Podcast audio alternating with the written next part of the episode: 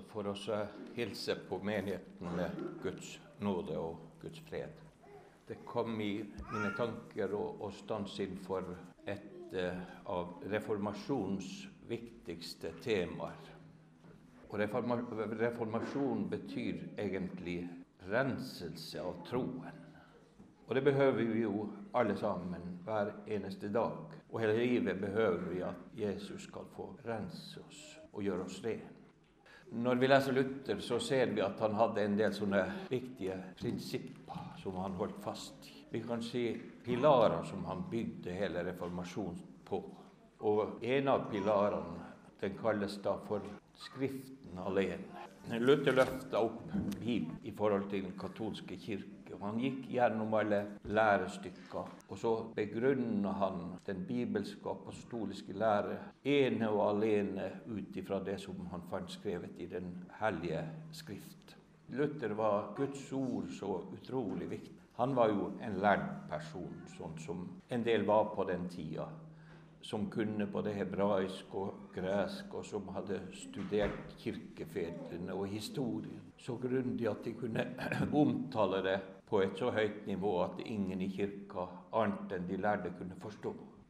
Men Luthers prinsipp var det at man skulle ta det så enkelt at om det fantes et barn på syv år i kirka, så skulle predikanten eller presten da fokusere på det lille barnet og tale sånn at det lille barnet også forsto det. For han sier når barnet forstår, ja, da forstår også de kloke og høye teologene det. Det at Luther ville ha Guds ord så enkelt som mulig, og til alle folk, ikke bare til lærde, det gjorde at han satte seg ned og begynte å oversette Bibelen. Og han gjorde det veldig, veldig fort og grundig. Og for at han skulle få Bibelen på folkespråket, så gikk han ut på gata. Så var han der folk rørte seg, og der folk samtalte. Og så lytta han til hvordan uttaler og snakker folk, og kommuniserer sånn at den ene forstår den andre. Og det er jo viktig, det. Ellers så blir det på et sånt nivå at vi blir, blir utenfor. Skriften alene. Hvorfor var det viktig for Luther, og hvorfor er det viktig i dag? Jo, det var viktig derfor, som jeg nevnte, det at det fantes utrolig mye kristne mennesker som sjøl ikke hadde innsyn i Guds ord, som ikke kjente hva Gud har lært, hva Guds ord sier, som var totalt avhengig av at de som hadde setta seg inn i Guds ord, forklarte det for dem. Og dermed så hadde biskoper og prester og kirkemøter en sånn makt over det kristne folket at de kunne føre dem inn i sånn vranglære som viser hvilken som helst tortur i forhold til de som ikke delte den allmenne og aksepterte troen der. Skriften, hva er det for noe? Om vi skulle spørre av kanskje barn i dag, og kanskje mange av oss her også, så vil vi si at det er Det nye testamentet. Det nye testamentet er den viktigste bok i Bibelen. Bibelen består jo som kjent av 66 ulike bøker. Men eh, for Jesus og for, apostlene så fantes det ingen Nye testamentet. For dem fantes det bare Det gamle testamentet. Mosebøkene, profetene og Salmenes bok. Og for dem var det Skriften. Og Om vi da tenker oss Det gamle testamentet i forhold til Det nye testamentet, så er det sånn, om vi enkelt sier det, at Det gamle testamentet er selve grunnlaget. Det er liksom båt som Det nye testamentet bygger på. Uten Det gamle testamentet så vil Det nye testamentet bare henge i lufta. Alle profetier om alt som skulle skje i Nytestamentet, om Jesus da spesielt, det står omskrevet i Gamle testamentet. Og Derfor så er det veldig galt av oss om vi i forhold til noen lærespørsmål avviser at det der betyr da ingenting. Det står jo bare skrevet i Gamle testamentet. For om vi går til Jesus og ser på hans forhold til Skrift, eller Skriftene, så ser vi det at den gir sin aller største anerkjennelse til det. Det kan være en sånn enkeltsak som f.eks. slangen i ørkenen som Moses opphøyde på en stang, som pekte på Golgata. På ørkenvandringen. Det kan være på Jonah som ble slukt opp av en stor fisk, og som ble spydd ut. Så ser vi helt entydig at Jesus omtaler de gammeltestamentlige eh, fortellingene som sannhet. På Jesu tid så fantes det mange som fornekta det. Og i dag finnes det også mange som fornekter mange sannheter som er bekrefta både av det gamle og av Det nye testamentet. F.eks. når Jesus omtaler oppstandelsen, så henviser han til Jonah som var i tre dager i den store fisks buk, og som senere blir spydd ut. Som peker direkte på Jesu oppstandelse fra de døde eller på salmene utallige plasser der det tales om hvordan Herren hadde satt han ved hans høyre side, hvordan Gud oppvekte han ifra de døde, og hvordan Gud i alle faser av Jesu liv var med og på forhånd hadde talt om det. Vi kan tale om Skriftens Jesus. Hvem er egentlig Skriften, eller Det gamle testamentets Jesus? Jo, han er for det første Gud. Det fortelles om hvordan han var hos Gud fra evigheten av. Han ble født, men han ble aldri skapt, derfor at han var fra evigheten av. Og når himmel og jord ble skapt, da var Jesus til stede, like som arkitekten som vi kan lese om i Ordspråksbokens åttende kapittel, der han var med. Eller som vi kan lese fra helt begynnelsen av Moseboks første kapittel, etter at Gud hadde skapt himmel og jord og alt som eh, er på den, så står det sånn La oss skape mennesker. Og hvem var disse oss? Det var Gud, og det var Hans Sønn Jesus Kristus. Og der var også Den hellige ånd med. Altså den treenige Gud var med helt ifra starten av. Men det at Jesus er og var Gud, det ble fornekta på Jesu tid. Det er fornekta i dag av svært mange. Og det at Faderen og Sønnen og Den hellige ånd er en enhet, det fornektes også av mange. F.eks. vi leser i dåpsbefalingen at man skal døpe i Faderen, i Sønnen og i Den hellige ånds navn. Og det finnes mange trossamfunn, også i dag i Norge, som kaller seg for kristne som ikke godtar hvis noen kommer over fra en eh, kristendom der de har blitt døpt i Faderens, Sønn og Den hellige ånds navn, så må de døpes spesielt derfor at de ikke regner den for å være rett opp. Og sånn, Hvis vi går litt i, litt i, dybden, så ser vi at det er veldig mange også i dag som fordekter Jesu guddom. Man opphøyer Jesus som det største mennesket som har levd på jord som det fineste mennesket som gjorde alt godt, og som duger til forbilde for alle. Men når man ser f.eks. Bibelens lære om hvorfor Jesus ble født, hvorfor Jesus kom hit ned til jord Det var nettopp derfor at vi mennesker hadde falt så dypt i synd, og ingen av oss kunne frelse oss sjøl. Gud måtte bli et menneske i Jesus Kristus så måtte han påta seg hele menneskehetens synd igjen. Og så måtte han dø som en sann Gud og en sann menneske. Så måtte han ofre sitt liv og blod på korset. Han måtte bli til en forbannelse for oss, for at vi skal kunne få del i velsignelsen. Og for svært mange også i dag så er den største forargelse derfor at man innbiller seg at mennesket er i alle fall, selv om det har mange svakheter, så er det ikke så dårlig at synd i oss atskiller oss evig fra Gud. Men på den måten så vil man bare ta æren ifra Gud. Det at Jesus var en Guds sønn, det er også noe som Bibelen helt klart lærer. Kristologi betyr læren om, om Kristus. Teologi betyr læren om Gud skal vi lære å kjenne Gud og den han utsendte Jesus Kristus. Det er helt avgjørende. Vi leser i Johannes 17. Dette er det evige liv, at de kjenner Ham, den eneste sanne Gud, og den Han utsendte, Jesus Kristus. Så kan vi ikke lære å kjenne Gud og Jesus annet enn gjennom Guds egen åpenbaring. Dvs. Si, gjennom Guds eget hellige ord. Altså så må vi til Skriften. Vi må ha Skriften alene. På Luthers tid så var det sånn at man hadde Skriften pluss et eller annet. Tradisjonen var det, den tyngste delen av de her tilleggene. For man hadde en ja, kanskje over 1000 års katolsk tradisjon på, som bygde på uttalelser fra ja, En del var såkalte ufeilbarlige paver, og andre var kirkemøter som man mente hadde guddommelig autoritet. Og når utvalgte menn i kirka gjorde vedtak, så tenkte man sånn at de hadde samtidig en apostolisk autoritet. Det betyr det som de lærte og skrev. Det hadde gyldighet på samme måte som Den hellige skrift. Det som Gud hadde talt gjennom apostlene.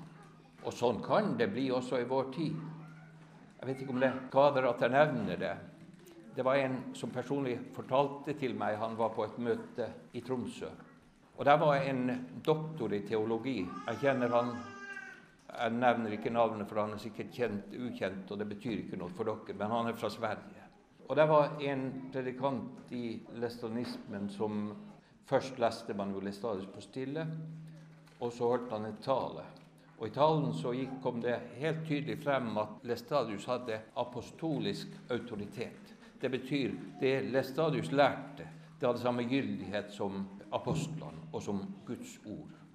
Og Etter talen så hadde man en samtale. Og Da spør han professoren av predikanten at eh, var det sånn at eh, man kan holde Lestadius like eller høyere enn en, en apostlene? Nei, svarer han. Det kan man ikke, men den var likeverdig. Professoren han uttalte ikke seg noe om det, men det burde han selvfølgelig ha gjort.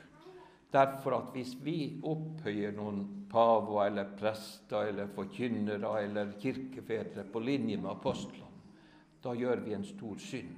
Derfor at apostlene hadde en gudgitt autoritet som ingen etter den tid har hatt.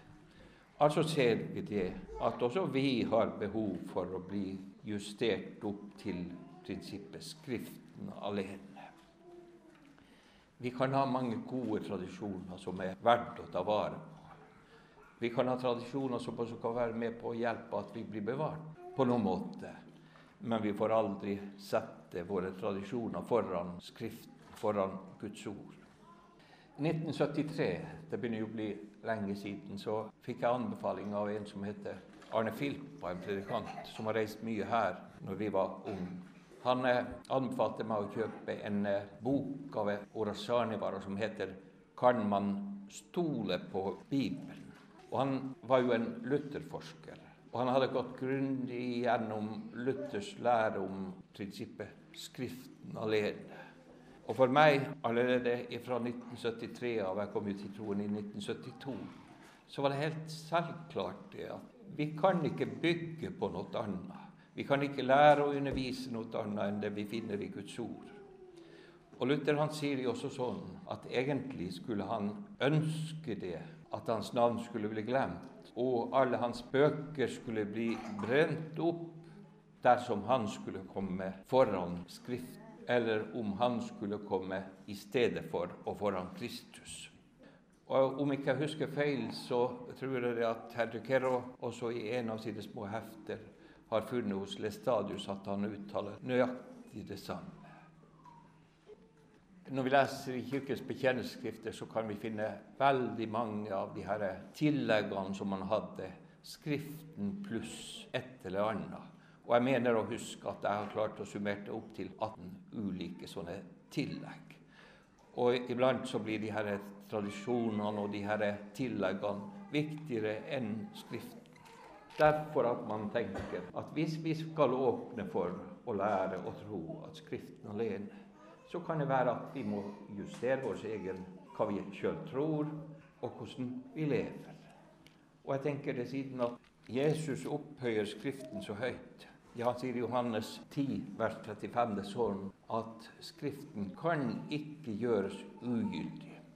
Eller jeg skal ta og henvise til, til Johannes 5, tror jeg det står, der, der, Jesus løfter opp Skriften, Guds ord, som utrolig viktig. Han taler om at de ord som han har talt, de er liv og sannhet. At om noen hører hans ord og ikke tror det, så skal han ikke dømme ham. Men så legger Jesus til at det ord som han har talt, det skal dømme han på den siste dag. Og vi går til fortellingen om da når det begynte å regne så skikkelig kraftig. To personer hadde bygd hus. ene hadde bygd det på en klippegrunn. Jeg kan lese om det i Lukas 7. Og andre bygde huset bare på sand, for han skulle få huset fort ferdig. Og huset som var bygd på, på klippegrunn, blir bestående derfor at det hadde noe trygt og fast å bygge på. Og Jesus han sier at sånn er det med den som hører Hans ord, og som gjør etter det. Men den som hører og ikke gjør etter det, han er lik den uforstandige som bygde sitt hus på sand. Og når det da begynte å regne og stormene blåste, så ble jo alt det som var under huset, som bærte huset, hele grunnvollen ble vaska bort, og til slutt falt huset, og dets fall ble stort. Vi skal stanse litt inn for Jesu forhold til Skriften, hvordan Jesus så på Skriften.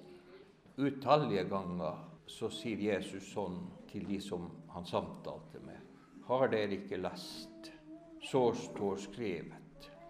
Altså han, han henviste til, til, Guds ord, som var det som skulle korrigere våre liv, både i forhold til lære og i forhold til tro. Og Når vi går til Lukas evangelium 24. kapittel, så husker vi jo det.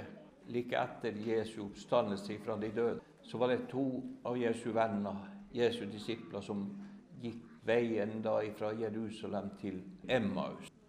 Og de var bekymra over alt som hadde skjedd. Og de gikk der sorgfulle og samtalte. Og plutselig så åpenbarer Jesus seg for dem. Og så spør han om at hva var det dere gikk og samtalte om, og hvorfor er dere så bedrøvet? De forteller til Jesus at er du den eneste her i Jerusalem som ikke vet hva som har skjedd i de her dagene. Dette med Jesus. De hadde håpet at han skulle komme for å forløse Israel. Og så refser Jesus dem og sier, dere dårer og sendrektige av hjertet til å tro. Måtte ikke Kristus lide så, og deretter gå inn til herligheten.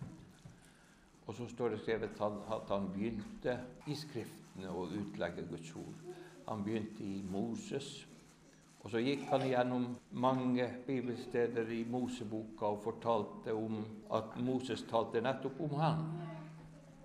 Ja, om Jesus talte Moses. Altså, Moses var ikke bare en, en lovlærer, men Moses talte også mye ærlig evangelium som talte om Guds nåde og Guds tilgivelse, selv om han primært var lovens representant. Men vi husker bl.a. det kjente profetiordet fra 5. Moseboks 18. kapittel om hvordan Gud skulle oppreise en profet, sånn som Moses var en profet ut av folket. Og Da talte han om Jesus Kristus, som skulle være den profeten som folket skulle høre på. De her to på Emmausveien de syntes det var godt å være sammen med Jesus. Og Derfor så sier de til han at 'bli hos oss, for det lir imot kveld, og dagen heller'. Og så gikk Jesus til dem, og så ble han hos dem. Og så skjer det samme som vi for kanskje tre søndager siden leste når Jesus for opp til himmelen. Sånn som var helt vanlig, at han både brøt brødet og åt sammen med dem, men også det at han velsigna dem. Og Det kan vi lese om to plasser her i Lukas evangelium 24. kapittel, om Jesus som velsigner sine fryktaktige disipler. Altså velsignelse betyr at han byr sin nåde, sin tilgivelse, sin godhet og sin kjærlighet. Og når han ba velsignelsesbønnen og brøt brødet, så står det deres øyne ble opp, deres hjerte begynte å brenne da når han utla Skriftene for dem på, på veien. Og der så sier Jesus til dem her i, i dette kapitlet så uforstandige dere er og trege hjertet til å tro alt, alt det som profeten har, har, skrevet. Vi kan mange plasser i, i Nye testamentet lese om Skriften. Jeg skal henvise til et kjent gudsord fra 2. Timoteus' brev. Vi kan det helt sikkert det utenat. Paulus skriver jo til sin unge medarbeider Timoteus. Og Timoteus hadde en mamma og en bestemor som begge var gudfryktige. Som hadde lært Timoteus opp i Skriftene, altså dvs. Si Det gamle testamentet, Moses, salmene og profetene. Og der så skriver Paulus sånn som kan gjøre deg vis til frelse ved troen på Jesus Kristus. Og så oppmuntrer han Timoteus at bli du i det du har lært. Og så forteller han hvordan det skal bli onde tider og vanskelige dager før Jesus andre gangen kommer tilbake. Og der, i 2. Timoteus 3, 16, så leser vi det at hele Skriften, altså dvs. Si hele Guds ord, er innordnet av Gud. Altså innordnet betyr Gud hadde pusta sin ånd i det og gitt det liv, og kan gi det liv. På samme måte som når Gud hadde skapt mennesket, så blåste han inn i menneskets nese, og det ble til en menneske ble til en levende sjel. Sånn er det også når Gud gir sin ånd til Guds ord. Da blir det også det levende Guds ord. Altså kommer vi til to ting nå. Det ene er det skrevne Guds ordet, som vi kan lese i Bibelen, og det finner vi jo mange mange plasser. Paulus skriver bl.a. til Timoteus legg vind på opplesning av Skriften. Eller Johannes skriver i åpenbaringsboken salig er den som leser, og den som hører de profetiske ord i denne bok. Og Da kan vi stille spørsmålet hva er da forholdet mellom det skrevne Guds ord og det forkynte Guds ord? Og Noen ganger har man helt sikkert misforstått det og sagt det sånn at Bibelen, det skrevne Guds ord, det er en død bokstav. Men når Paulus i Galaterbrevet omhandler eller bruker termen eller uttrykket 'bokstaven slår i hjel', så tenker han ikke at det er det skrevne Guds ord, men at det er loven som med bokstaver var inngravert i de her to steintavlene. Altså er Guds ord Guds ord også når vi leser det. Men Gud må gi sin ånd, sånn som vi leste fra Lukas, at når Jesus utla ordet, da ble det virkelig levende for dem, og hjertene begynte å brenne. Men vi tror jo at når vi er Guds barn, da har vi også Guds ånd. Og da kan Guds ånd åpenbare ordet også når vi leser Guds ord hjemme. Altså, det betyr når vi setter oss ned og leser, og det bør vi gjøre så ofte som vi spiser. Derfor at sjelen må vi prioritere like høyt som legeme. Legeme gir vi mat og drikke hver eneste dag, og flere ganger for dagen. Og Derfor tror jeg det burde være en god regel at vi også leser Guds ord og samtaler om Guds ord om så flere ganger for dagen, sånn som man gjorde før Jesu tid og på, Jesu tid. Men nå er det sånn at når Paulus her sier at Gud har, altså Guds ord er innordnet, inspirert av Gud, så betyr det ikke at det bare skjedde da når Gud åpenbarte det gjennom apostlene. Men Guds ånden er alltid med når man samles inn for Guds ord. Og Derfor kan Guds ord gjøre det levende der og da.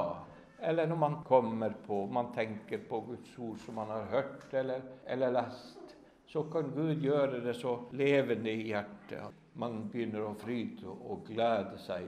Ja, man begynner å lengte til, til himmel og salighet. Og Så er spørsmålet om hva er da nytten av Skriften. Og Det sier Paulus også her i det andre Timoteus' brev, tredje kapittel, da, sånn her. Og hele Skriften er nyttig, og så lister han det opp til lær som det første punktet. Altså det vil si Bibelen har mye å lære oss. Den lærer oss alt som har med frelsen og salighet å gjøre. Vi behøver ikke noe utenom bibelske kilder for å finne veien til frelse. Og når Luther, i, som er nevnt i sin første reformatoriske prinsipper, setter Skriften alene, så bruker han det som utgangspunkt for det som var Luthers store lys. Det var læren om rettferdiggjørelsen. Og den bygger han alltid på Skriften. Og når vi også går til Galaterbrevet og til Romerbrevet og til mange andre bibelsteder og betrakter læren om rettferdiggjørelsen eller om frelsen eller om hvordan man blir en kristen, så er Bibelen etterlatt seg så mange entydig klare undervisninger som også gir oss den rette både lærdom og undervisning ja, som gir oss del i frelsen og i saligheten. Så legger Paulus her til en, et annet moment som Skriften gir oss. Det er til overbevisning. Altså Det betyr det at vi kan være, ha helt andre meninger og andre tanker enn det Bibelen gir. Nei, nei, det er ikke sånn man må tenke sånn som vi tenker i dag, i utgang, med utgangspunkt i dagens samfunn, hvordan folk forstår og tenker. Nei, sier apostelen her, at vi skal la Bibelen overbevise oss. Derfor at det er kun den som vi kan si er sannheten. Jeg bare nevner helt kort, og enhver kan jo lese hjemme, og kanskje spesielt også unge vil jeg oppmuntre. Les Salme 119. Det er en salme som har veldig mye god undervisning til barn og til unge og til oss alle. Det er der vi leser i det niende verset. Hvordan skal en unge bevare sin sti ren? Der det svares sånn ved å holde seg til Guds ord, altså til Skriften. Salme 119 er bygd opp over 22 av bokstavene i det hebraiske alfabet. Hver bokstav har åtte ulike vers. Alle vers inneholder dyrebare lærdom om hva Bibelen, Guds ord, har å gi oss all åndelig velsignelse som Gud vil gi oss gjennom Guds ord, det får vi gjennom Guds ord. Og Derfor så tenker jeg sånn at det er viktig at vi skulle ha en sånn hunger etter Guds ord. At det skulle få føre oss nærmere, at vi skulle søke det, at vi skulle søke kraft i det, at vi skulle søke trygghet i det. At vi derigjennom kunne oppbygge hverandre og trøste hverandre når vi har behov for det. Jeg skal stoppe her nå. Det kunne vært mange sikkert andre ting i forhold til både det her er første prinsipp om Skriften alene, men også kan jeg tenke meg de andre fem aleneprinsippene, eller de her solas, som, de, som de kaller det på, på latinsk. De fem alenebegrepene. Altså Skriften alene, Kristus alene, troen alene, nåden alene, og til sist All ære til den himmelske Far, til Gud alene. Om Gud gir anledning, så skal vi stanse inn for noen av de andre reformatoriske prinsippene senere. Jeg tenker det nå Når vi har 500 års minne etter Luther, så er det litt viktig å stanse innenfor det som viste seg å bli bestå, derfor at Luther ville bygge på Skriften og på Skriften alene i Jesu velsignede navn. Amen.